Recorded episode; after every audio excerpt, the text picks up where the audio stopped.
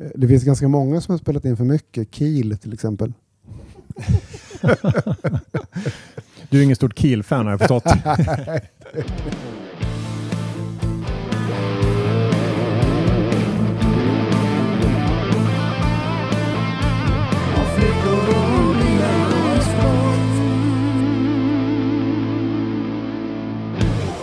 Hej och välkomna till det sjunde avsnittet av podcasten om flickor, bilar och sport. Vi eh, befinner oss just nu på Söder, eller SOFO som det heter, söder om Folkungagatan. Och eh, vi som inte är solo in SOFO, här är jag, Allan Sundberg, Tony Johansson. och Magnus Henriksson. Vars hem vi befinner oss i faktiskt på härliga Söder. Vad, hur är läget då med dig Magnus? Ah, Jo, men det är väl eh, ganska bra. Eh, Jag har varit i studio med Erik Mårtensson i veckan och skrivit musik till spännande mitt band. Och med Eclipse. ja, precis. Fan vad roligt. Ni har något annat skoj på gång, eh, något som släpps ganska snart, eller hur? Eh, ja, det stämmer. Vi har, jag spelar även i bandet Wet med Jeff Gotsodo och Robert Shell från Work of Art. Som, eh, vi är färdiga med skiva, så den kommer att släppas snart, någon gång, när skivbolaget behagar. Ja, vad roligt. Ja. Oj. Men det jag menade var ju den här liveskivan som är på Ja, jag tänker på den. Ja, just det, precis. Eh, ja, det stämmer, precis. Men Det är så lätt att glömma den, för vi spelade in den här eh, konserten i Göteborg i december förra året. Mm. Eh, och, men ja, det var ju den sista spelningen på våran eh, turné vi hade då, så att det är lite bittersweet. Och sen ja, vet ju alla vad som hände efter det. Ja, men precis. att, men det är ett fint dokument i alla fall. Så det blir Ja. DVD och CD-skiva av det. Och massa olika färger på vinyl ryktas det. Ja, tre olika färger på vinylerna. Ja. Det blir svart, rött och blått. Nej, blått, rött och vitt blir det. Ja, Ja. vad härligt. Lite så här uh, franska färger. Ja, eller amerikanska, Eller eller, amerikanska. beror på vad, Ja, beror på. eller holländska. härligt. Ja, men den ska jag införskaffa Ja, så fort tack. den eh, finns. Den är bra. Ja, grymt. Hur är det med dig Tony? Det är, eh, jo, men det är bra. Härligt. är helt okej faktiskt. Vad har du haft för dig förutom att intervjua vad heter det, AOR-legender? Ja, nej, men det är ungefär vad jag har gjort eh, senaste tiden. Eh, Berätta. Det, är det roligaste jag har gjort tror jag. Det är, jag har varit erbjuden att intervjua Jim Petrick från eh, Pride of Lions och tidigare Survivor. Han som var låtskrivarhjärnan i Survivor och skrev The Tiger bland annat. Eh, så det var en otroligt rolig intervju. Jag fick 30 minuter. Den blev eh, en timme och en kvart eh, och vi hade askul. Mm, vad roligt. Vi kommer att lägga upp en länk till Maloik-bloggen där den här uh, intervjun finns. lägger vi upp i vår um, podd Facebook-sida. Så Ja. att alla kan läsa den om ni vill. Körde ni online? Liksom? Var det streamingintervju eller hur? Nej, det var på telefon. Telefon, så jag, okej. fick det, jag, jag ringde upp honom eh, och, eh, så, och jag fick så sent som igår ett sms av honom där han ville ha intervjun översatt så att han kan lägga ut den på sina egna kanaler. Så Ja, det är jävligt kul. Du nämnde ju till mig när du berättade om intervjun att han hade de enda två svenska band eller musiker han hade nämnt. Vilka var det? Det var ABBA och Erik Mårtensson. Det, det är ganska häftigt. Rolig bekant. Ja. Eh, och han var så imponerad över eh, svensk musik överlag och Dancing Queen var en av hans topp 10-låtar eh, ever som han Mm. gillar. Och eh, Erik eh, tyckte han var fantastisk och gjorde ett fantastiskt jobb med eh, han skrev ju sista soloplattan till Jimmy Jameson, sången i Ja. Survivor. Där Både jag och Erik ska jag tillägga en- skrev en- den skivan. Ja, Ja. och jag tänkte, och du spelade även på den? Ja, jag spelade ett par solon. Och, eh, men vi skrev den skrev skivan. den ihop? Ja. Coolt. Nästa resa Erik, men jag var med på några låtar. Mm.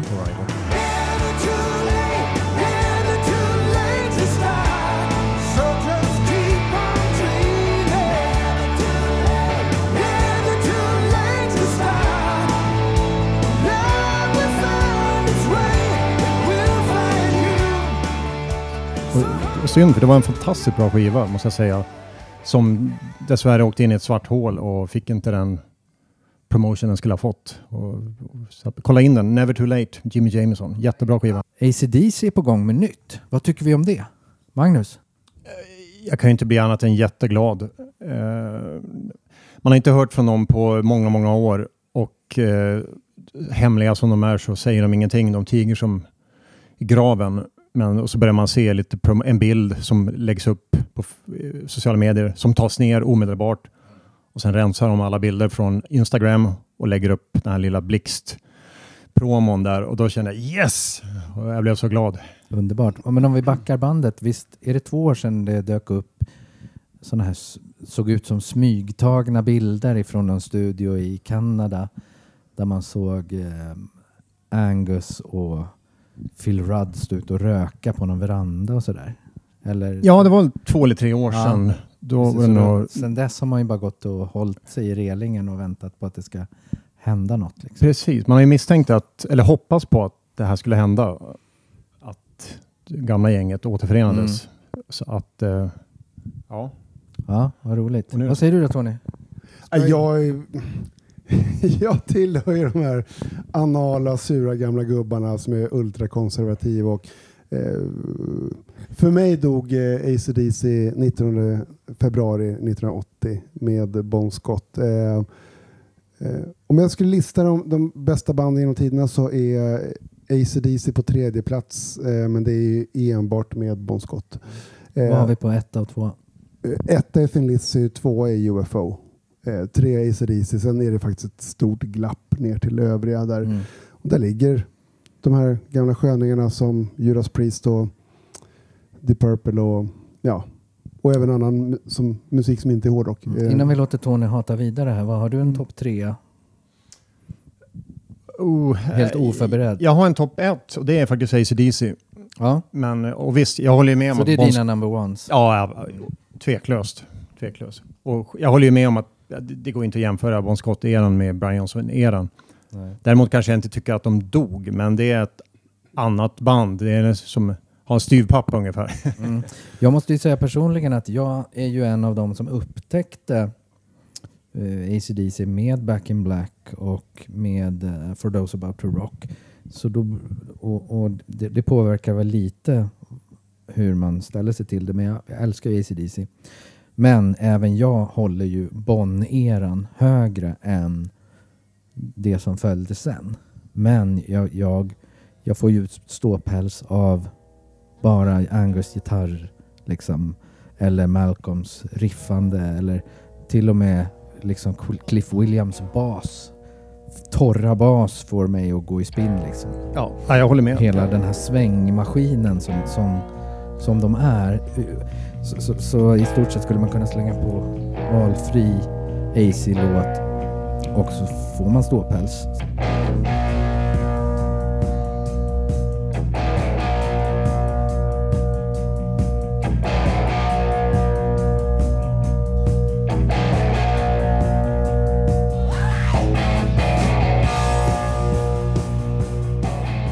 Ja, nej men för, för mig var ju problemet, jag, jag upptäckte ju också ACDC med Brian Johnson som jag är inte så jävla lastgammal, men jag, jag letar mig ganska snabbt tillbaka till, till Bonn-eran och du har ju en helt annan typ av musik, det soliga, bluesiga som är och, och, och Bonds texter och låtar som Squealer och Ride On och sånt som de aldrig har varit i närheten av efter det för att eh, med, med eh, Brian Johnson så är det ju Raise your fist and drink a lot of beer.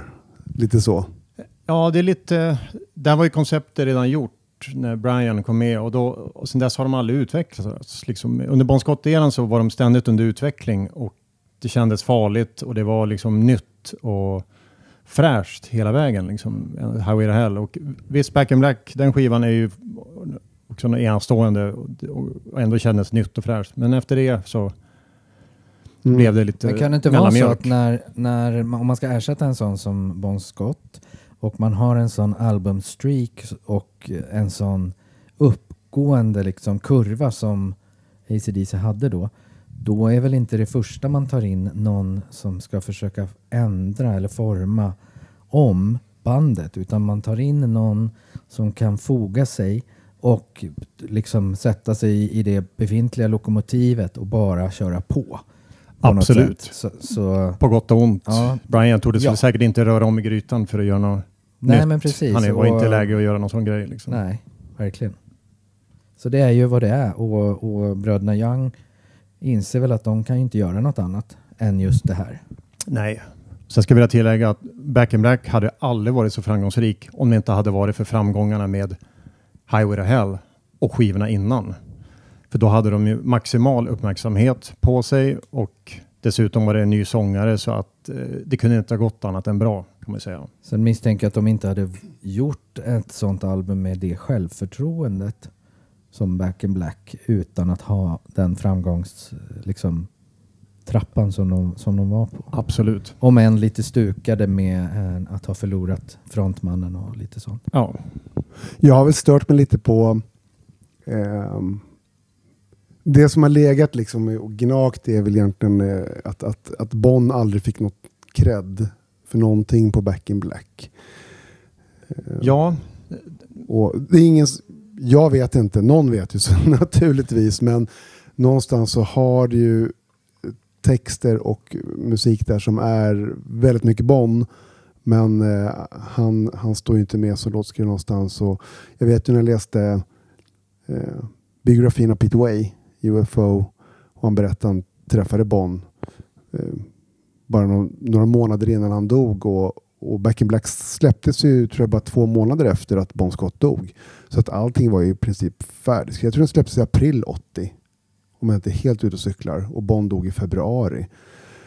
Och, och Pete berättade, alltså Bon Scott gick ju runt med sin lilla anteckningsbok där och, och skrev sina texter och, och melodier och sånt. Och, och hade berättat att vi har någonting nytt på gång med, med AC/DC. Eh, och sen är, ja.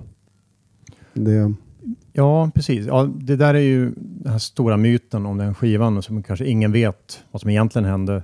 nej. Och vi, ja, jag har läst många intervjuer både från båda lägren och det varierar ju ganska rejält. Uh, ACDC-lägret säger ju att Bon, han var med i replokalen typ och jammade och han spelade trummor när Angus och Malcolm skrev riff. Och sen menar de på att texterna skrevs i studion på plats. Så att eh, man får ju själv fylla Mm. i the blanks. Och, och, ja, jag vet inte. Om jag ska vara ärlig. Jag, jag kan inte säga någon text på Back in Black som jag skulle eh, säga att det där är en Bond-text. Eh, Riktigt. Jag vet ju, Rock'n'Roll Ain't Noise Pollution har ju Brian skrivit. Han har ju själv förklarat hur de skrev den. Det finns någon eh, dokumentär på Youtube. Och även You Shook Me förklarar de ganska ingående hur de, den skrevs, den låten. Med Mutt Lang hjälpte dem att skriva den och så Okej. vidare. Så att, eh, Mm. den var ju, det är intressant. I början, början när de skrev You Shook Me All Night Long. Eh, jag kommer inte ihåg hur texten, hur går första textraden? She was a fast machine. Ja, precis. She her Då gick versen She clean." was a fast machine. Ba-da-da-da, She kept the motor clean. Och så kommer Mutt Lang in och säger Nej, det där funkar inte. Du, ni måste sjunga hela tiden. Liksom. Det måste vara mera, du måste rappa på. She was a fast machine, he kept the motor clean. Och där var yes, där har vi det liksom. Producentens roll är att komma in med helikopterperspektivet och peta liksom. Ja, men flytta precis. den här pusselbiten. Precis. Men sen, är, sen, ja, sen vet ju alla att Bonn hade ju ett anteckningsblock med små, idé, små idéer alltid redo liksom och sådär. Men sen om de har använt något av det, det, är, det vet väl Det ingen. enklaste vore väl om det där anteckningsblocket åter, har återfunnits. Ja, men eh, det verkar inte som att någon vet var Graal ligger begravd. Så Nej, att, nej, precis. Precis. Det ryktas att precis när han hade förklarats död så kom det in två kortväxta Ja, personer precis. med australiensisk brytning och, och Ja, och shorts. precis. Ja. Genomgående för hel, hela ACDCs karriär att de har alltid haft väldigt tongue in cheek, eh, lite halv snuskiga texter på ett roligt sätt. Mycket humor i och det har väl genom hela karriären. Mm. Liksom. Och sen, eh, och sen hade Bon Scotts texter var lite mera lite smartare skrivna Mm. på något vis. Men Tony, har du någon, liksom något exempel på Back in Black-lyrik som du kan känna det här skulle Nej, lika gärna kunna... Inte på skriva. rak arm så här. Eh, At gunpoint. Eh, nej, det kan jag... Det, eh, nej, det är bara en känsla någonstans. Eh, och, och när man eh, jämför med Highway to Hell och texterna och, och när man jämför med efterföljande plattor. Eh, For those about rock var den som kom efteråt och det är i princip bara tycker om titelspåret. Lite så. Ja, jag håller med. Mm. Det är inte bara titelspåret som håller. Och sen är det ju fillers. De själva är ju, har jag läst också, är väldigt missnöjda med den skivan. Malcolm hatade den Mm. skivan. Ja. När var eh, Wanda och Young eh, gav upp och hjälpa dem att skriva låtar och sådär? Var det efter Highway to Hell när de, när de började jobba- med Matt? Ja, jag vet inte. De har ju inte fått någon credits på låtskriverier eh, direkt. Jag vet nej, nej, men jag tror att som producent så, så är du ändå där och väljer och vrakar och, och petar i låtarna så att de blir... precis. Sista skivan de var med på, det var ju Powerage Just det. innan de gick över till Mutlang. Mm. Och sen gjorde de en comeback på Blow Up Your Video-skivan, Ah. vet jag. Som inte blev så lyckad, Nej. kan jag tycka. Vad jag eh, har läst var ju att de, en, en sångare de hade i åtanke som ersättare för Bon var ju Alex Harvey. I, Jaha. eh, The Alex Harvey, Okej. eh, The Sensational Alex Harvey Band. Ja, just det. Eh, som känns väldigt mycket Bon Scott på ett sätt som Ja. hade varit eh, och, lite mer teatralisk på det sättet och, och Just det. eh, som, som frontfigur. Jag, jag tror att han hade varit lysande i AC/DC. Ja, jag har faktiskt väldigt dålig koll på Alex Harvey. Jag har Sen har hört jag någonting. hört att Gary Holton som sjöng i Heavy Metal Kids och som sen hade en duo ihop med norrmannen Casino Steel, Gary Holton och Casino Steel, att han var också påtänkt.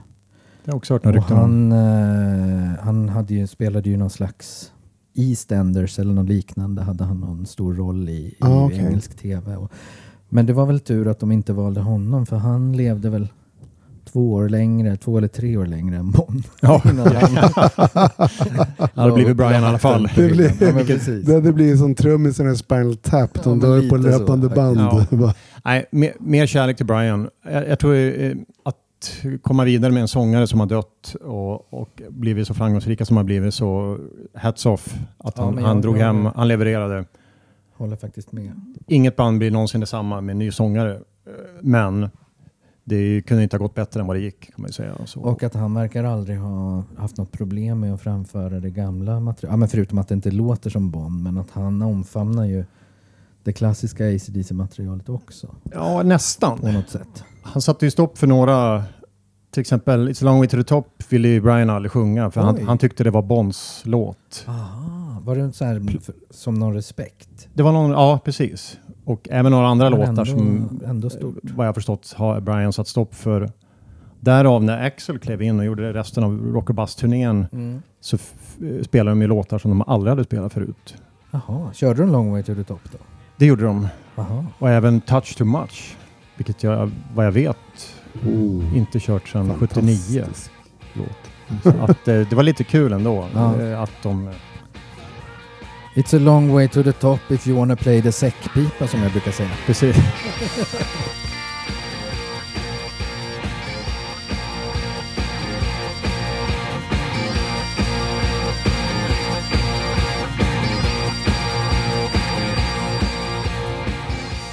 Men förutom det, det var ju något roligt som kom ur den idén. Men annars är det en ganska vulgär idé med Axel Rose. Med Axel. Ja, Fast eh, han, han, han det var ju tur att det blev en tillfällig grej om man säger Ja. så. ja men verkligen. Eh, Men det sved ju i mitt ACDC-hjärta att se Mm. den där tölpen. Inget ont om han som sångare, men eh, mitt band kände jag liksom, det, Mm. ja, det, det sved. Sen kan jag, jag, jag kan erkänna eh, att det är klart att eh, Brian Johnson eh, förvaltade arvet ganska bra som en ersättningssångare. Det, så är det.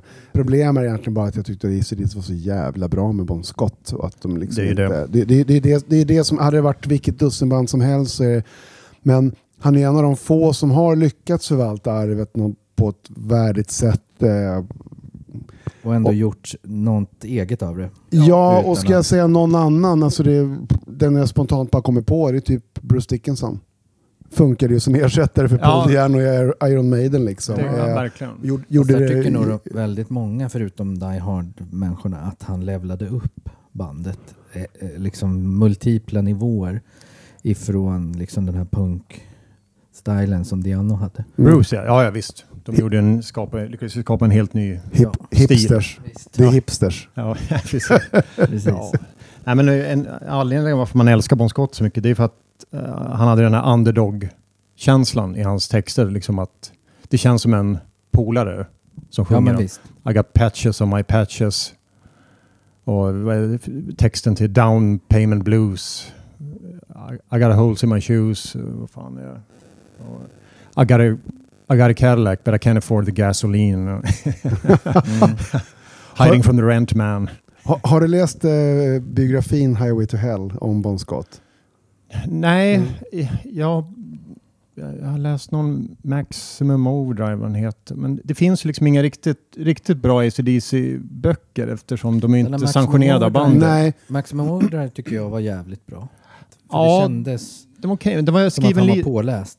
lite för mycket från ett fans perspektiv. Att det märktes Okej. att de dyrkar ACDC för mycket. Jag vill gärna ha med warts and all, att det ska vara lite lika mycket skit som det ska vara hyllning. ja, Liksom. jag tycker Highway to Hell-biografin är, är jättebra och den börjar liksom när Bon är väldigt ung, långt innan Ja. ACDC-eran och sånt. Men han verkar vara en sån man hade velat haft som polare. Han verkar så jävla, verkar så skön. Verkligen. eh, och sympatisk. Och när han kom med i bandet och skulle provsjunga, han berättade att han var så jävla väck och han hade dragit en flaska whisky och han hade rökt på och tagit tabletter och, Ja. och, och Malcolm och Angus sa bara honom ska vi ha. Ja. Det är så här. Ja, ja, han minns knappt någonting av första spelningen. Nej. Men, det är så här. Ja, men lite som den här storebrorsan man skulle vilja haft. Lite Ja. Den Ja. feelingen får man. men lite mindre droger kanske. Ja, precis. Ja, men precis. Att, jag, vet, jag har ju en, en bok med handlar om Bonn. Jag måste fan kolla i min hylla här. Ja, det är ju den. Ja, just Där har jag Highway där. Ja, just. Jag, jag tror aldrig jag läste klart den här, men jag, jag får nog ge den en chans. Jag gillar, den gillar som fan. Ja, Jag har ett tips där ute. Eh, Finns to Hell. finns den på svenska? Nej, det gör den inte. Nej, ja, jag har den engelska versionen här. Ja, just det. Var det den som var på gång att översättas men det blev aldrig något? eller? Nej, det var en annan som Okej. eh, jag, jag var på väg att få översätta där. Ja. Men, men nej, men jag kan översätta den där. Ja. Eh, Så hör ni det här på, på bokförlaget så Du kan läsa in det. den på Jag svenska. kan, jag kan läsa in den på svenska. Men det måste vara så här Bon Scott-packad Ja. när du gör det. Ja, men då kan, då kan Mangan sitta bredvid och, och köra lite sköna Angus riff Precis. i bakgrunden. så ljudbok. Ja, man kan ju lätt säga att det är ett av världens hemligaste band. De har inte bjudit på mycket historier och skandaler. Nej. Från, det enda man hör, hör från dem det är från omvägar. Folk som har jobbat med dem Ja. och, och som kanske inte jobbar med dem längre. Men det är ju... Men är det inte så enkelt som att de är bara intresserade av eh, att spela rock'n'roll? Och annars bryr de sig inte om Ja, men det är ju så. fame och liksom... Precis, de är ju inte rockstjärnor egentligen. Nej. Utan de är bara uh, garagesnubbar som tycker det är kul att spela rock. Ja. Och dricka te. Ja, precis. Det finns en story om när de spelade in Back in Black i, vad var de, i Bahamas eller vad det var. Och så hade de, det är ju så jävla varmt där så de har ju shorts på sig. Och så säger Malcolm en dag, nej alltså grabbar det funkar inte det här med att ha shorts, Man, vi får ingen arbetsmoral. Nej, nej, så tog de på sig jeans och började jobba som vanligt. Det, det, går, det går inte att jobba i Åh, mina hjältar! Jag som hatar shorts. Det går inte att jobba i shorts. Det var så bra. Ja, men det, Där ser ni. Sluta bära shorts Ja, där ute. hur är det i clips? Får man ha shorts på scen? Nej, Nej. nej, Bra. nej, nej, nej. Exakt, så, så tar Ja. ett rockband. Det, det funkar om man spelar thrash metal och kommer från Bay Area. Liksom, och sådär, men eh, nej, Knappt. inte för oss. Vi är inte så vackra i vårt band heller så att vi, vi får göra vad vi kan med det, det vi har. Liksom. Ja. Ja, äh, ska man ha shorts på sig då får man börja spela med Anthrax. Ja. Så, ja. Så är det. Precis. Så är det. Jag såg eh, AC/DC första gången på Monsters of Rock 1984. Mm, jag var också där. Och, På Råsunda. eh, var ju 14 bast och jag var stort Mötley Crüe-fan. Så, jag- så jag minns ju nästan bara Mötley Crüe och Van Halen. Men sen minns jag att de här jävla kanonerna smällde så jävla högt på For Those About To Rock. Och att det var ett jävla drag. Jag Så- tror att det var det, det året också. Eh, det var ju två år på raken där va? Eh, men det var väl det året med AC/DC som eh, finska Zero Nine var först. Va- Nej, var, nej, var det, 84 då var det bara Mötley Crüe, Van Halen och AC/DC. då var det 83 då som det var. Nej, det måste varit 85. 85, förlåt. Du ser helt ut och cyklar. Jag gillar den här nördigheten som finns bland oss tidiga 70-talare. Att- man, man vet exakt vilken månad och vilket år saker och ting hände. För att Ja, det, var, det var så stort intryck på en på den tiden. Så Ja. Men bara ihåg. att, bara att någon säger året 83, då blommar det upp Ja, eh, Dio, Holy Diver, Man vet exakt Eh, vilka skivor som kom det året. Bark at the Moon. Liksom Flick allt. of the Switch. Ja, det bara blommar upp som ett träd Ja. i huvudet med skivor, konserter och liksom allt sånt. Jajamän. Ska vi nu säga 2003, vad hände då? Jag har ingen aning. Nej, vet inte. Nej. Jag fick min första son. Ja, ja, men det liksom det ersatts. det var ju stort i och för Det sig. ersatts av, Ja. av andra saker. Ja, precis. Men om man säger musikmässigt så är Ja. det, det man kommer inte ihåg. Nej. Men, Men- Zero Nine, för bara återgå, Zero Nine-året, det var, då, var det alltså, då var det Scorpions och Van Halen då, och Ozzy. Van Halen var ju 84 har jag ju sagt. Ja, det har du sagt. Det var, det var Har du- Scorpions, Def Leppard Ja, och Ozzy. och Ozzy och Zero Nine Ja, som precis. öppnade. Och Zero Nine avslutade med eh, UFOs Lights Out. Och jag var någon Ja. som bara studsade runt på gräsmattan och alla undrade vad jag höll på med. Jag tänkte, Mm. gud vad bra. Ja. Han är så svältfödd på rock'n'roll så det räcker med ett, ett finskt liksom, amatörband En finsk cover av en UFO-cover. UFO. ja, ja, det räckte där och då. Och sen om vi, ska, om vi ska fortsätta den kronologin så uh, året efter det, 86, då var det ju inte Masters of Rock utan då var det ju Queen med Treat och Gary Moore som förband. Så att det var någon Mm. slags uh, minifestival blev det ju då på Råsunda. Vilket jag missade och det har vi avhandlat i tidigare poddar. Ja. Varför? Ja, vi, vi, vi, låt oss inte gå in på det. Vi Jag, jag pratar har aldrig ångest. mer om Nej. albumet Dangerous Games med Alcatraz. Den ska vi ta och glömma den. Det glömmer vi. Vi glömmer den. Men det jag vill komma till, jag den har sett. ACDC eh, 84 och sen såg jag dem på den här, eh, var det Black Ice som de hade ett stort tåg som backdrop? Eller var det... Ja, ja precis. Då körde de ju både i eh, Globen och på Stadion. Jag såg dem på stadion då Jag faktiskt. såg båda konserterna faktiskt. De var jävligt bra då De förresten. var jävligt bra. Brian sjöng jättebra och alla var i toppform. Vilka AC-gig har du sett? Första gången var, det var inte förrän 1988, Blow Up Your Video på Isstadion. Cool. Och då började de ju med eh, Who Made Who och hade massa låtsas-angusar som kom upp på scen. Det var, Ja, en, det var en tävling som Okej hade på den tiden att, Den, den såg jag också. Ja. kommer ihåg när du säger det. ja, och eh, så hade de ju... Ja, Hade du, hade du ansökt om att vara med? Nej, nej, nej. jag, det inte. Jag såg ett Hovet-gig, äh, förlåt nu avbröt jag, men när de skickade ut massa eh, dollarsedlar över hela Det måste ju isen. varit eh, Det var- Ra- Racers Razor's Edge, Money Ah. Talks. Mm. Exakt, Money Talks, ja, precis. precis. Så. Den missade jag tyvärr. Det var ju Kings X som var förband Mm. till dem då. Det. 91, 92 kanske. Eh, jag har sett dem fyra gånger. Men eh, uppenbarligen Races Edge-turnén då, med Money Talks. För jag kommer ihåg att det var de sprutade ut dollarsedlar över hela isen på Mm. Hovet. Eh, Var det första som du såg? nej, det var nog inte första. Du, du såg Eh, dem på Råsunda också? Nej, jag såg det, nej, ja, ja, jag såg, ja, ja, på Monster Monster Rock. Rock, Ja, absolut. Ja, ja. Jag tycker det bara är helt otroligt och svindlande tanke att veta att ACDC har spelat med Bon Scott bara runt hörnet här på Göta Lejon. Ja. Några gator ifrån. Det är, helt en otroligt. eh, konsert to die for verkligen. Ja. Jag har sett Mm. det. Och även Back in Black-turnén, då kör de med Brian. Just det. Så att då förstår man att de var inte så speciellt stora.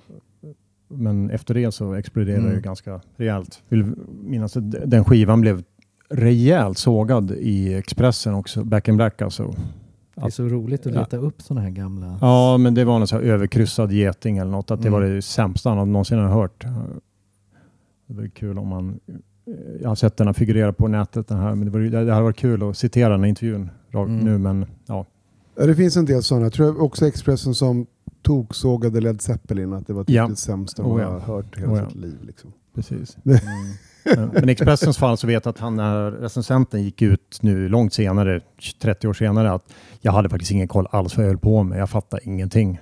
Ja, det det, var en dålig recension, skrev Ja. han till och med. Apropå att de släpper nya plattan nu så ser man ju i sociala medier att väldigt många blir glada. Och att det liksom, folk delar de här blixtarna som de har börjat dela. Och, och, men ändå så vet man på något sätt att ja, men över hälften av de här som är så glada nu, de kommer ju såga skivan sen när den kommer. Och tycka det är skit ändå. För så var det ju när de släppte förra plattan. Ja, Eh, då var det ju ohippt att, att gilla AC/DC. visst, det- är ju lite för enkelt att säga ah, ja, de låter som de alltid har gjort. Och, Ja, precis. Och, och det är ju, visst, men, men det är lite som julafton. Liksom, alla vill ju sitta och kolla på Kalle. Och man vill inte missa det ändå. Liksom. Ja, Men men det är ju som en Men tradition. ingen kan gå ut och säga att det förändrar deras liv. Liksom. Nej, Nej men det, jag tycker de flesta verkar bli glada. Mm. Det är, lite, det är lite som James Bond skulle man kunna säga i filmvärlden. Alla blir så jävla tokpeppade. Fan det kommer en ny Bond-rulle. Så när den kommer så inser man att nej, men det här är ju inte Man lever bara två gånger med Sean Connery. Liksom. Nej, men precis. Men det är ju ändå kul. Alla blir glada Ja. att det kommer en till. Liksom. Jag tyckte mig ändå hinta, förra skivan, eh, Rock or Bust, det var första skivan utan Malcolm. Just det. Och jag tyckte man kunde hinta att det var lite annorlunda arrangemang. Det var lite så här små grejer som kändes annorlunda som jag tror Malcolm aldrig skulle ha släppt igenom. Lite, det var, Det, Vem- man, det de påstår nu, eller, eller vad jag har läst, är ju att de har hittat tracks med Malcolm som de kommer ha med på den här skivan. ja, precis. Jag undrar Eh, vad det är och hur, hur mycket liksom. Och, Ja, precis. Eh, Jag har läst flera intervjuer med Angus där han- där han berättar att eh, tydligen har ju de hundra gamla riff. De har ju hur mycket demosar som Mm. helst och det finns tydligen material för flera skivor. Om de vill hålla på och gräva där. Mm. Så att, eh, så att det, det, det stämmer. Då får man tacka för dagens teknik där man på ett enkelt sätt kan liksom få liv i, i en gitarrtagning som Ja, men precis. för liksom, tio år sedan. Exakt. Då kommer vi faktiskt in på en, eh, ett ämne, tycker jag. Eh, rätt naturligt. Som, som En segway. Ja, nej, men som handlar just om eh, eh, ratat bonusmaterial och att det finns band som har hela kappsäckar med guld någonstans där ute och det finns de som bara har släppt allt de har gjort och det finns ingenting. Thin Lizzy släpper ju nu en box eh, Just det. 23 oktober där du då har 77 outgivna låtar eller demoversioner av existerande låtar vilket är helt enormt. Ja, men allt det är ju inte helt Sproilans nya låtar. Nej, men, nej, men nej en absolut. hel del är det.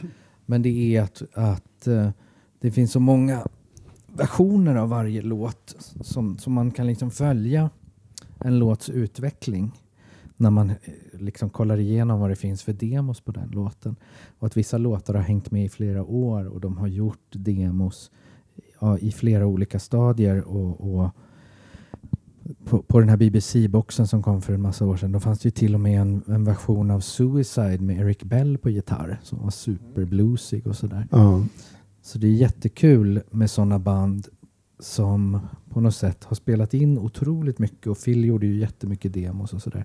Sen har vi ett sånt band som, som Van Halen där det inte finns någonting. Och då är frågan, skrev de bara de låtarna som kom med på skivorna? Nu vet vi ju um, i retrospekt att albumet de släppte här för fem sex år sedan, vad hette det? Eh, Van Halen Ja. Eh, Just det, det var det här tåget på med framsidan. tåget Vad på fan framsidan. Det innehöll ju i stort sett nya outgivna låtar, men samtliga de var gamla låtar som de hade ditchat vid tidigare tillfällen. Liksom. Ja, Så det var leftovers. Ja, okej. Så de, de har verkligen hållit hårt på sitt material.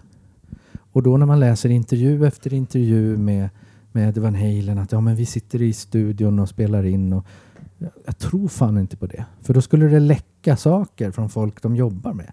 Men här läcker det ingenting. Och samma med, med, med Kiss. Där skiljer sig ju Gene och Paul. För Gene han släppte ju den här Volt-boxen. Jag vet inte, vad var det? Åtta CD-skivor med liksom hundratals outgivna låtar. Det finns väl anledning varför de låtarna aldrig blev släppta också. Ja, Det ja. knappast något... Men han har ju, Hits. nej, nej, det stämmer. Men han har ju ändå spelat in dem och gjort samarbeten med folk och, och Eh, och sen har han ändå lyckats få med väldigt mycket skitdåliga låtar på Kiss-albumen. Men om du jämför med Paul Stanley, han, han har ofta kommit till eh, bordet med exakt de låtarna som han ska ha med på skivan. Inget mer, inget mindre. Så det finns nästan inga liksom, outgivna låtar med Paul Stanley. Ja, det beror väl på lite hur man skriver. Jag vet, som i mitt eget band i Clips då, när jag och Erik skriver låtar så märker vi att det börjar barka åt fel håll. Om inte det blir något bra, då gör vi aldrig klart låten. Vi slänger den. Det finns ingen anledning Ja. att börja skriva text och hålla på att arra upp. Så att eh, folk frågar oss om vi har, har ni, ni måste sitta på hur mycket låtar som helst. Nej, vi har ingenting. Ut- Utan det är bara massa, en stor sophög av lösryckta riff och Men dåliga det kan jag förstå, för i, för, för i dagens läge med dagens teknik, då, då kan man ju göra en, en komplett låt färdig för utgivning med samma grund som man börjar skissa på i, sina, i sin dator. Ja. Men liksom på, på Paul Stanleys tid, då var man ju tvungen att ringa in en demo på kassett, ge till bandet, spela in först en produktionsdemo, ge till producenten. Och så, så sånt finns det ju. Det finns ju liksom halv, demos på Paul Stanleys låtar. Mm. Men det finns inga andra låtar, nästan inga andra låtar än de som kom med på plattan. Precis. Så det, det är jättefascinerande. Att Det är ändå rätt mycket jobb om man ska färdig, färdigställa en hel låt. Ja. Bara arra upp och texter och allt. Eh, Så att om man känner halvvägs att det här kommer bli dåligt Mm. så kan jag tänka mig att Paul Stanley då, han bara nej, vi skrotar det här, nu går vi på nästa. Ja, men ibland måste du göra klart det för att kunna bedöma det. Och ibland, liksom, jag, har- jag har alltid fått för mig att ja, men du måste göra en, en hel binge skit innan det blir något bra. Liksom. Absolut, men det är klart. alla jobbar väl olika så att det, Ja.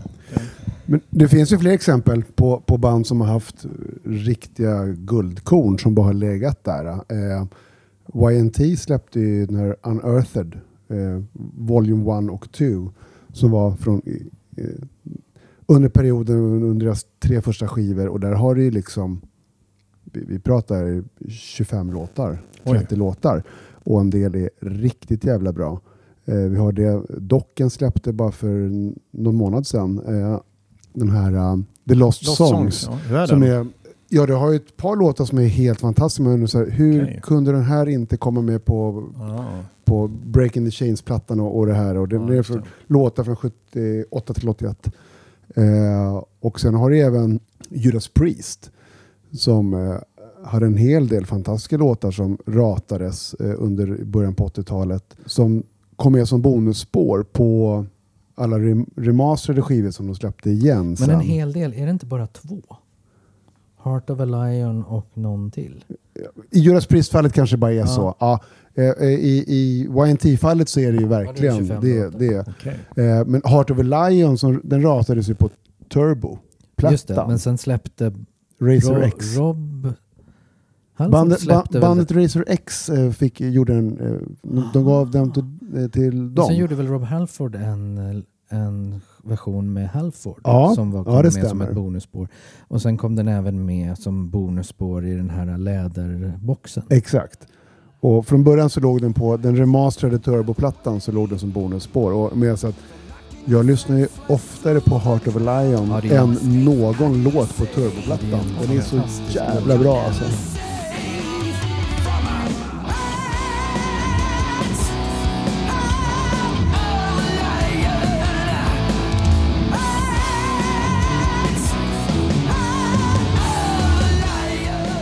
Man vet inte, vem, vem, vem tog det beslutet att den här ska inte med? Men jag tror att det handlar om att eh, när man sätter ihop, sammanställer ett album så vill man att det ska ha, finnas en röd tråd.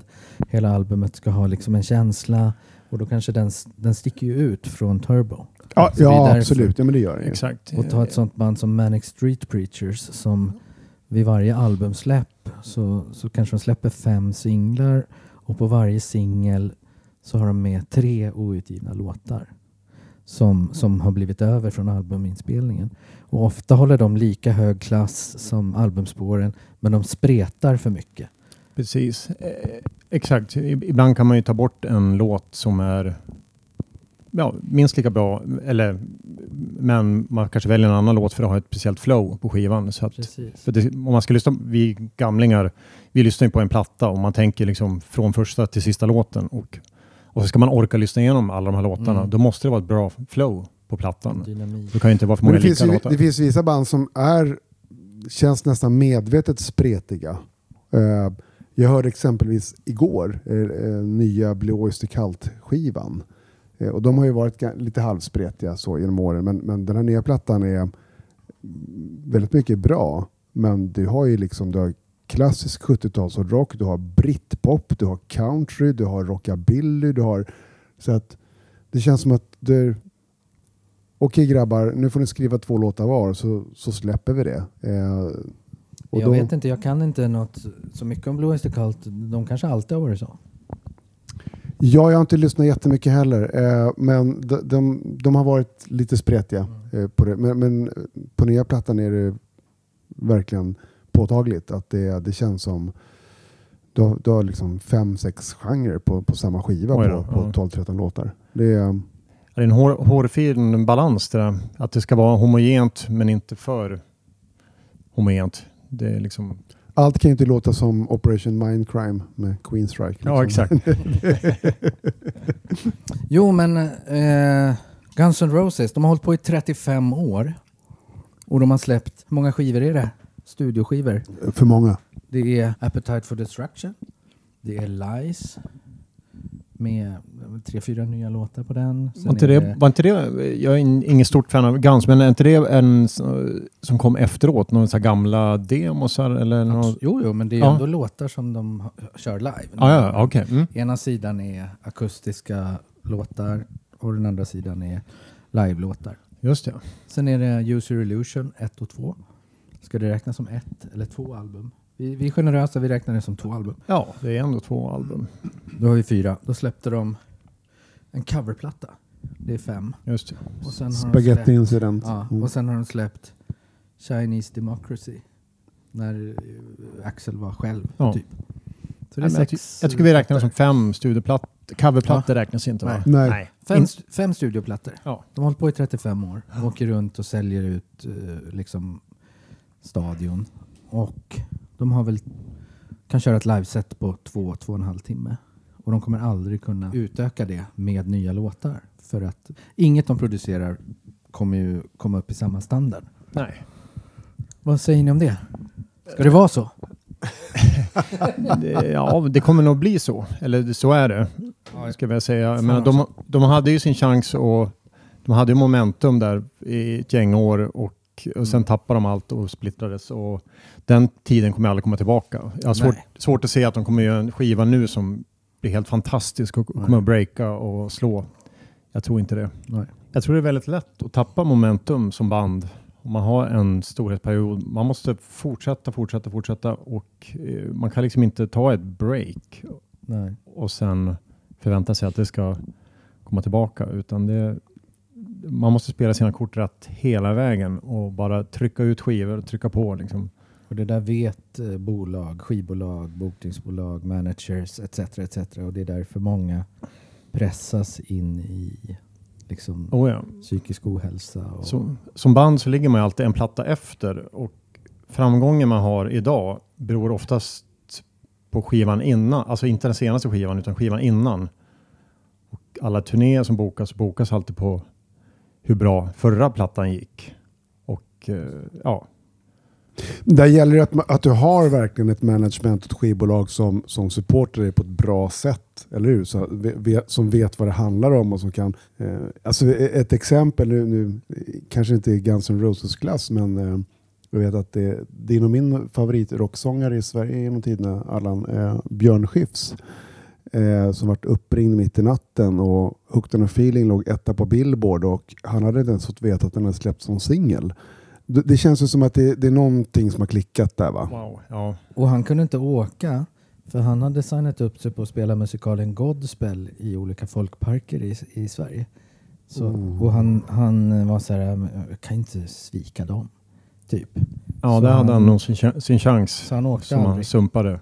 De åkte ett och ett halvt år senare eller något sånt där. Ja. Då var det ju, då var det Ja, slut. då är det kört. Han hade kunnat blivit sångare i någon riktigt bra band alltså i USA. Ja, alltså det är för fan, han är ju så jävligt bra. Och där tror jag det är ännu känsligare. Om man har en chans i USA, då ska man ta den pang Mm. direkt. Sen det dör Visst. bli- på en gång om man inte tar Ännu den. värre idag än på 70-talet kan jag Oh ja, tänka mig. oh ja. Det är bara att Ja. åka med tåget när det går. Men han fick ju i alla fall göra Strul och Joker. Två av Sveriges sämre filmer genom tiderna. Strul, är det, är det världens sämsta ljud på den filmen? Så man hör Ja. inte ett ord vad de säger. Och ändå det- ser den ut att vara du vet, så här dubbad i efterhand som, som alla svenska filmer är. Ja, ja visst. Jag, kommer, jag såg den på bio, men jag hörde inte vad de sa. Det var så dåligt ljud. Svensk filmproduktion har en del att lära, eller hade då. Idag är de väl duktiga på det där, men det- Hörru Magnus, Ja. vad, ska vi prata lite om dig? okej. Hur eh, blev eh, Clips till? Det var så att eh, jag och sångaren Erik Mårtensson träffades på musikskola för nu 21 år sedan. Eh, det hette då SMK? ja, Stockholms musikkonservatorium, eller MEMUS som inriktningen hette. Och eh, där träffades vi och vi, vi hade samma musiksmak märkte vi fort. Erik skrev demos här. Han hade skrivit fyra låtar som han skickade runt och den hamnade till slut hos ett engelskt skivbolag som jag inte tänker göra reklam för och, genom att säga deras namn för att de är idioter. Men eh, han fick skivkontrakt eh, nästan på en gång. Han fick lite panik. Bara, Fan, vi måste styra upp något här fort. Och Mange, kan du hjälpa mig att spela solon och skriva låtar? Jag bara, ja, för fan, det är klart vi gör det. Ja, sen blev det en skiva där och, och sen gick vi vidare till Frontiers senare. Man kan säga att de två första skivorna vi gjorde, de, vi latchade nog bort den tiden lite för mycket. Mm. Det hände liksom ingenting förrän långt, långt senare. För oss var det bara ah, kul att släppa ett par skivor. Ja, det var roligt. Vi kunde väl förvalta det bättre genom att spela lite mer live och Mm. eh, samtidigt var vår musikstil så jäkla ute.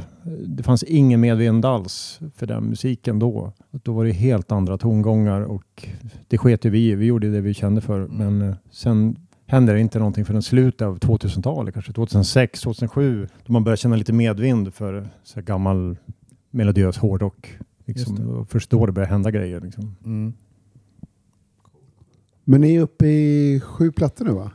Ja, ska vi se. Vi har släppt sju. Vi håller på att skriva på vår åttonde skiva nu. Mm. Om man googlar Eclipse på Wikipedia så står ni där bland annat som hair metal. Så jag vill veta, har du spandexbrallor? Nej. Eh, nej, det har jag inte. Väl, ja, jag har tights, alltså tights jeans, men i spandexbyxor har jag aldrig haft någonsin. Besvikna vi blir. Ja, förlåt. Men eh, Fast Nej. det är egentligen bara Pete Way och Steve Harris som ska ha spandexbrallor så det är helt okej. ja, Och Dave Lee. Och Dave Lee. precis. Hur, hur funkar det med eh, låtskrivandet i Eclipse? Hur går det till? Nej, men det är oftast jag och Erik sitter och riffar ihop tillsammans och eh, ser vad vi kan hitta på. Och ja, ibland riffar man hemma också och spelar in på mobilen. Och, men vi sitter alltid ihop och skriver låtar och sen ibland bjuder vi in gästskrivare och tar in för att få lite fräscht perspektiv och få lite positiv energi och, och även gäst, eh, vad heter det, textförfattare har Okej. vi. Så där har vi ett gäng olika människor som har varit med och Mm. hjälpt oss. Speciellt en kille som heter Mikael Persson. Han har skrivit mycket country och sådana grejer. Han är jättebra på texter. Han har skrivit mycket av våra texter faktiskt. Mm. Han är bara inblandad i texterna. Ja, precis. Jag vet att det finns en annan som heter Johan Becker också. Johan Becker var med på några låtar också. Han skriver inte text utan han är, med, han är duktig på sångmelodier och sådana grejer. Okej. Så att där har han varit med på några låtar. Johan Becker för övrigt har ju haft en eh, ganska stor karriär som låtskrivare i Japan. Skrivit J-pop och har haft eh, väldigt stora framgångar där. Mm. Och, ja, nu, just nu sjunger han ju faktiskt i Secret Service. Oj! Ja. Coolt. Har ni varit i Japan? Ja, vi har varit där två gånger. Mm. Lustigt att du frågar det nu, för vi, vi skulle åka åkt dit nu om tre dagar. Skulle vi vara i Tokyo. Så att, eh, det känns lite surt. Ja, jag fattar. Och vi skulle egentligen spela där i april i början och sen sköt de fram det nu till eh, 7 oktober. Nu två, tre veckor sedan fick vi höra att nej, det, går, det är inte genomförbart. Och, eh, så nu vet vi inte när det blir av. Men det var ju något man verkligen hade sett fram emot. Mm. Ni var ju med i Melodifestivalen Ja. 2016 med eh, låten Runaways. Runaways, ja. hur, hur kom det sig? Tydligen var det någon privatperson som hade skrivit mail till eh, ledningen i Mello att jo, det finns ett band som heter Eclipse som ni verkligen borde kolla in och jag tycker de är jättebra och därav kontaktar de oss. Vi hade ingenting med det att göra och vi fick till och med se det här mejlet som, Aha. som visade upp för oss. Ja, det här är en snubbe som tycker ni är bra. Och vi var pre- precis på väg ut på turné då eh, när vi fick det här eh, förfrågan och vi skulle leverera en låt eh, väldigt snabbt. Vi bara, fan vi har ju inga låtar. Hur, vad, vad gör vi? Så då, i den vevan höll Erik på att skriva en skiva åt eh, Ronnie Atkins, ett Just projekt som heter Nordic Union. Just det. just det. Och då hade vi eh, låten Runaways. Eh, den hette inte Runaways då, men eh, den låten fanns. Och eh, så Erik ryckte loss den låten från det projektet.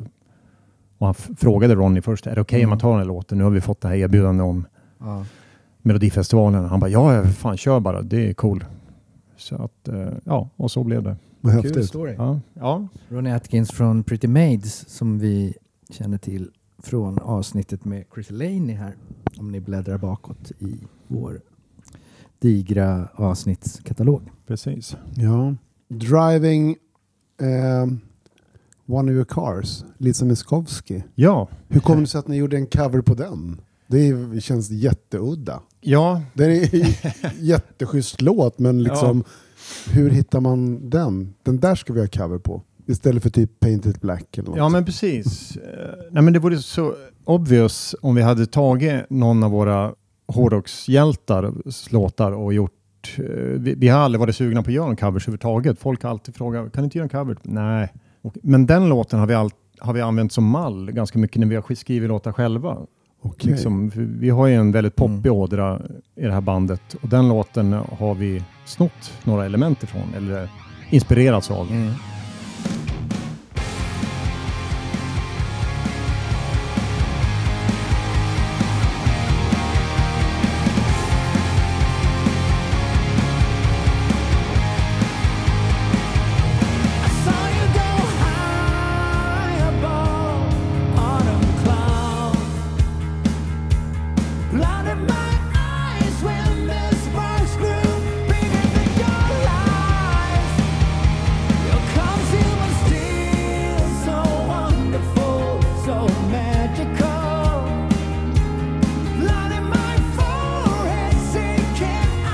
Erik, fan ska vi inte göra cirkeln fullt ut någon dag och köra en cover på den här? Ja, det ska vi göra. Och sen, och sen passade det sig perfekt nu då när den här pandemin slog till att vi Just det. släpper en singel bara för att, ja, så att det kommer någonting för att hålla momentum liksom. Så, ja, det var inte svårare än så. Ja, jättecoolt. Ja, det är en jättebra version. Ja. Och Lisa har hört den och hon tyckte den var jättebra. Mm. Hon, Vad kul. ja, hon gillar den. Eh, Du och Erik hade ett coverband också parallellt med Eclipse. Det var ju väldigt länge sedan nu. Jag tror inte vi har spelat på 16, 17 år. Eller Nej, något. men länge sedan.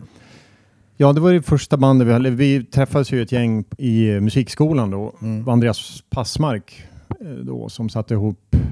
För han tyckte att Erik gjorde Joey jävligt likt. Mm. Och, och, så kom, han- och så tyckte han att jag lät lite som Norum. Så tänkte jag, men kan vi inte göra ett Europe-coverband då? Mm. Och så satte vi igång det och började spela lite på Anchor. Så, eh, ja, vi spelade där kanske ett par gånger per år. Ja. Vi var bokade för att spela på Silja Rock. Det här var 2003. Blev vi tillfrågade och då kunde Andreas inte spela bas. Då frågade jag Marcel Jakob, Just det. Marre. Så, jag, jo Marre, vi har covergig här med Europe-coverbandet. Kan du tänka dig att spela bas? Jag tänkte att han skulle aldrig svara ja, men han bara, ja det gör jag jättegärna. Mm. Så, så han gjorde det gigget. Och sen, det här var ju alltså innan Europe återförenades. Just det. Och då var ju även eh, nu ska jag säga, Mick, Ian och John Levén upp Mm. och gästade två låtar med oss. Vilket blev väldigt uppskattat. Ja. Speciellt då innan de var återförenade då, Ja. så var det en väldigt stor grej. Liksom. Vad häftigt. Att, ja, det var riktigt kul. Vill ju bara säga jävlar vad grymma snubbar de är och musiker. Ja, verkligen. Och vila i frid Marcel Jakob.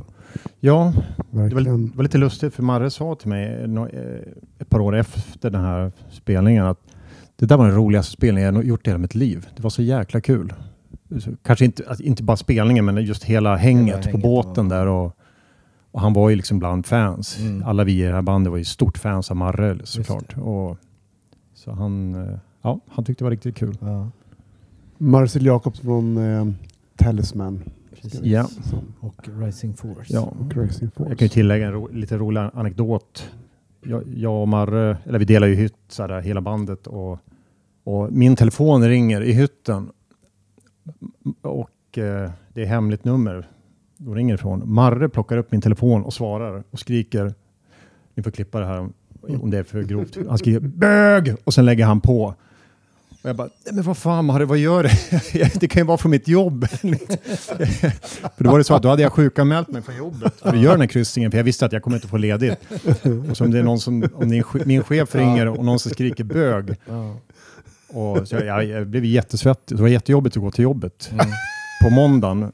Men som tur sen fick jag höra långt senare, det var en annan kompis som hette Thomas Ja. från Uppsala som hade ringt. Mange, jag fattar inte, jag ringde dig ju en gång och så skrek du bara bög i telefonen. Vad var det? Då kom jag på, ah, det var ju Marre. Ja.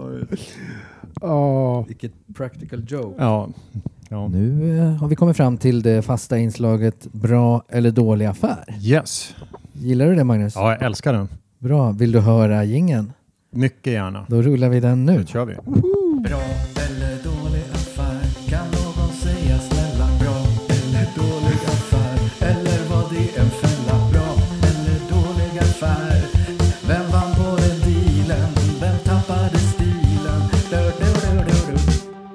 Kändes det lika bra som varje gång du hör den Magnus? Minst lika bra. Härligt. Tony, ja, det ryktas att du har eh, några, någon bra eller dålig affär du vill lufta. jag har en bra eller dålig affär. Ja. Eh, Yngve Malmsten, 1983. Eh, efter Steeler då var det han Precis. spel, spelat med. Eh, då, då hade Paul Chapman slutat med UFO. Han har hoppat av och bildat Wasted tillsammans med Pete Way.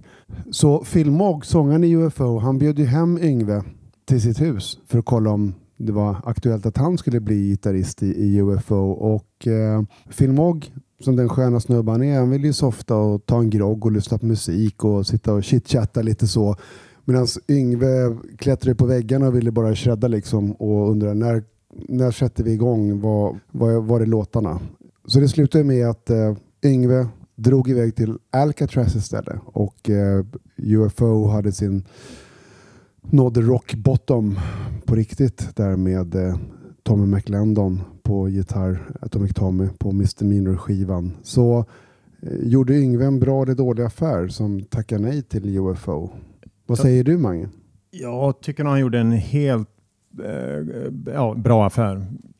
Faktiskt. Det- det ty- UFO var ju inte på... De var ju på nedgång och eh, de hade nog sett sina bästa dagar. Ja, och jag tror att uh, Yngve skulle inte pallat med de här uh, liksom supertempot. Och, Du menar att de drack grabbarna jag i misstänker UFO? det. Ja.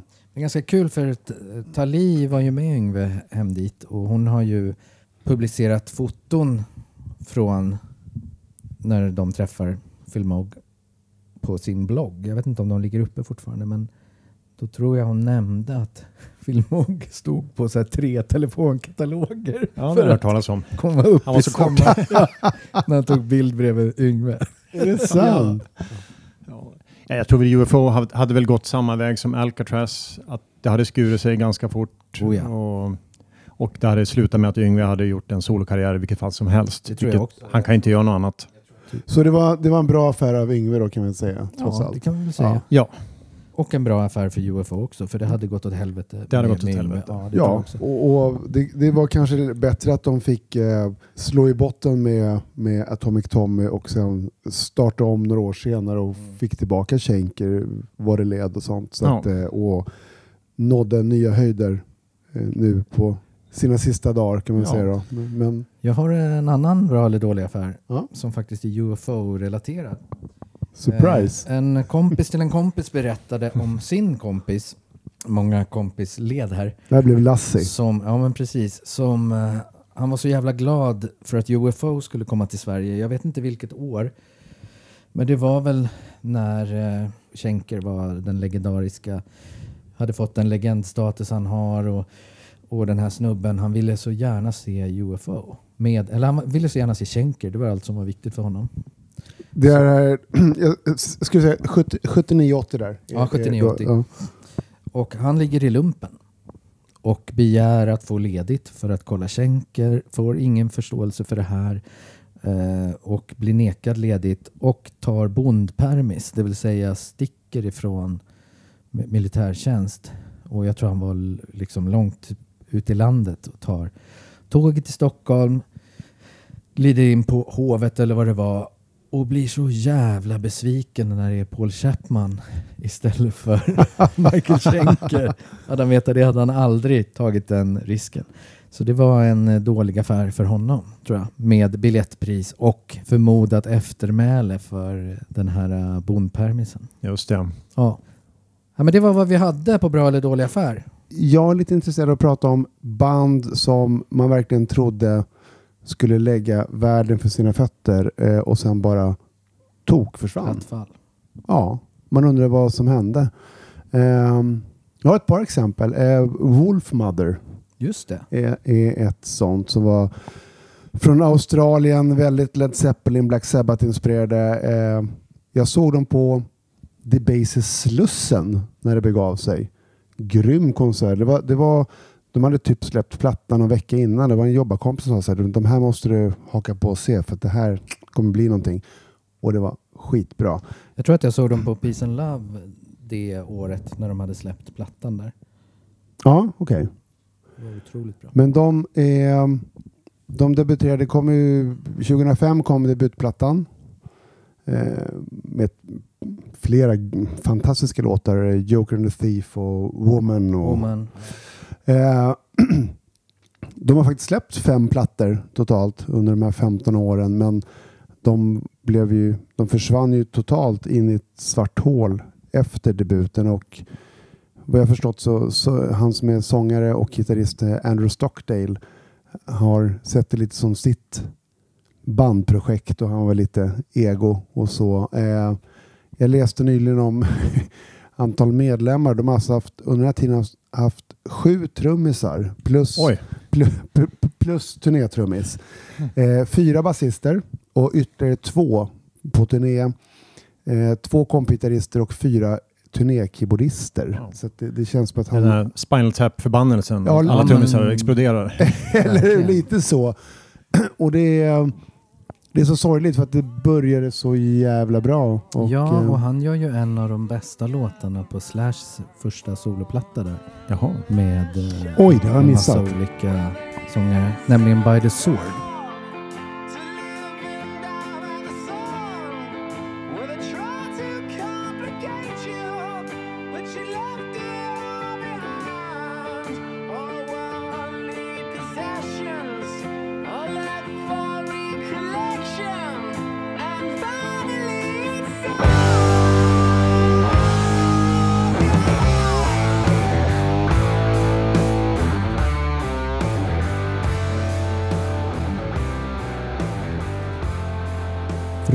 Fruktansvärt bra låt Mm. på, på plattan. Och jag tror att när Slash var över i Australien på promoturné för den plattan så gjorde de flera liveframträdanden i tv och sådär med honom på sång. Så det är grymt. Ett annat exempel är eh, The Answer från Nordirland. Som jag...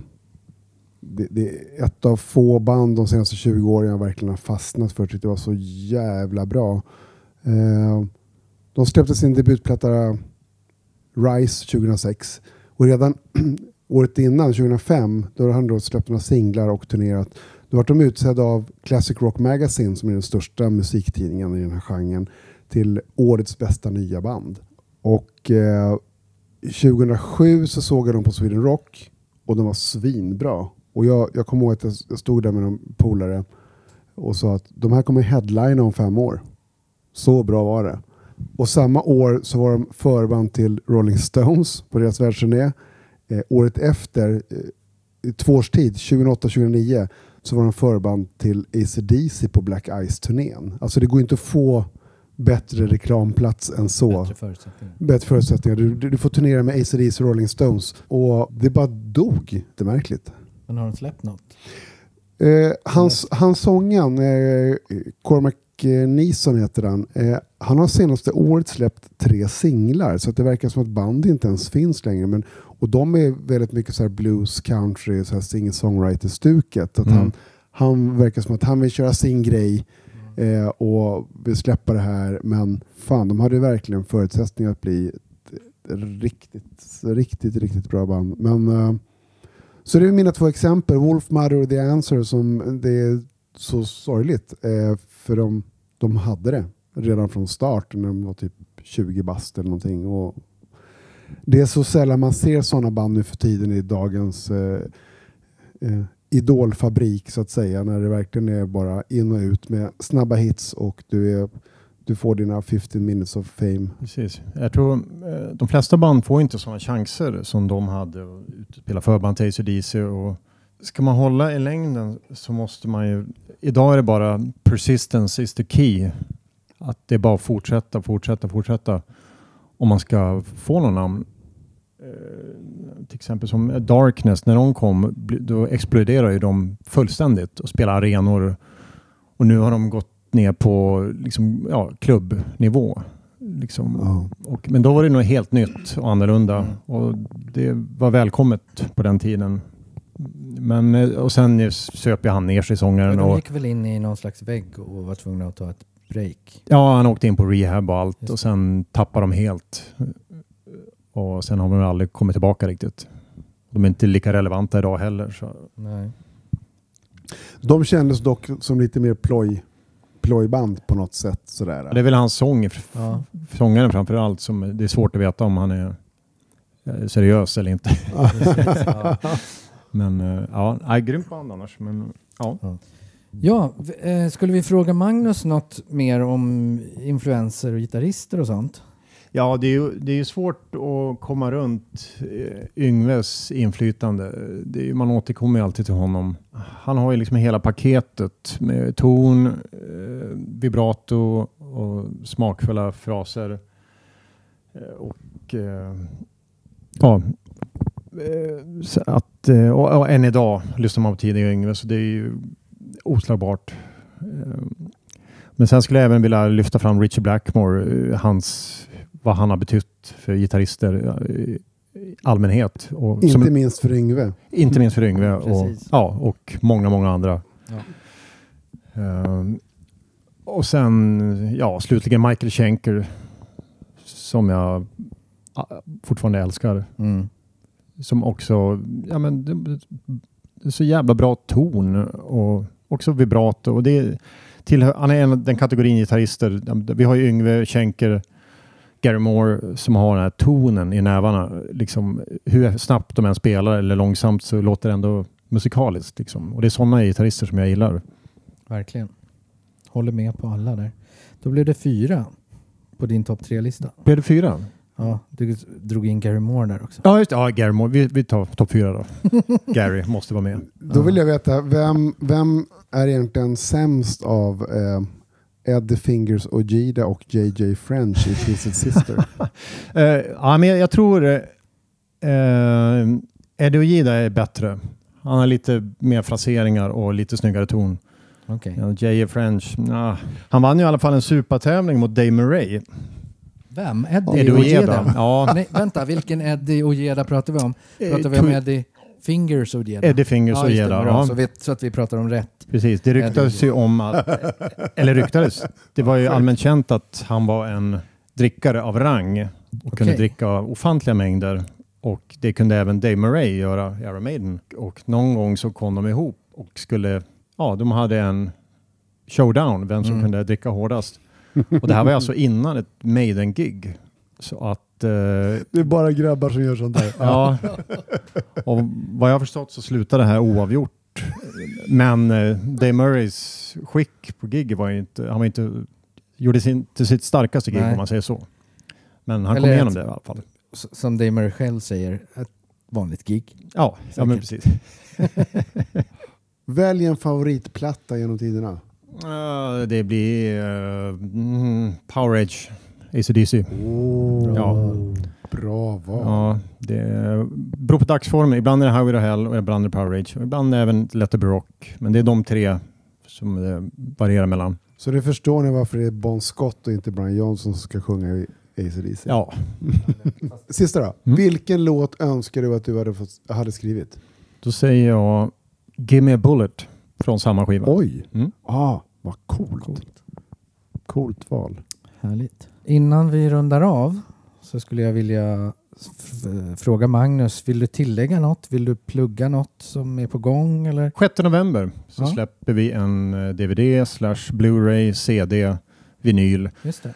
beroende på vilket format man väljer. Så det Föredrar. ryktas det att vi, du och jag ska spela saxonlåtar på ett Anchor här nära dig. Ja, men då är ni välkomna till Pub Anchor eh, nästa helg då och då kör vi Best of Saxon kan man säga. Precis. Jag skulle vilja plugga en annan grej. Den eh, 23 oktober då släpps både eh, Phil Lynott dokumentärfilmen går upp på biografer i hela världen och eh, då släpps även boxen Rock Legend med Thin Lizzy med en massa outgivna grejer. Och på lördagen där den 24 oktober klockan 14 så kommer vi göra vår första livepodd ifrån eh, Bröderna Olsson Garlic and Shots på Folkungagatan på Söder. Och då kommer vi bland annat ha Per Olsson som är den som har sammanställt och eh, mixat och mastrat alla låtarna på den här eh, eh Lissyboxen. Så då kommer vi prata om den och eh, djupdyka i några av låtarna. Och vi kommer att ha flera andra gäster som vi återkommer till senare. Mm. Så dyk upp på Bröderna Olsson Garlic and Shots på lördag den 24 oktober klockan 14 så livepoddar vi och underhåller er i några timmar. Ja, gillar ni Thin Lizzy och vitlök så finns det inget bättre ställe på jorden att vara Ja men precis. just då. Den dagen. Ja. Ja. Vill du tillägga något Tony? Nej, det känner mig ganska nöjd. Om du fick bestämma vilken låt som ska avsluta poddavsnittet. Det brukar ju vara något mysigt eller något som passar eller något sånt. Vad väljer du då? Då måste det ju självklart bli ACDC eftersom vi har avhandlat. Eh, då skulle jag välja Down Payment Blues. Vi ska se vad vi kan göra. Vi ska Ja. prata med han som klipper. Ja. Hörrni, tack för att ni har lyssnat. Tusen tack Magnus för att vi fick komma hem till dig Ja, och eh, dricka kaffe och bullar på kanelbullens dag. Kul att ni kom hit. Det var nära att få med er podd. Ja, vad kul. Och tack Tony. Tack Allan. Eh, vad säger vi då? Vi gör som eh, de gamla grekerna. Vi säger hej då! Botten upp. Hej då!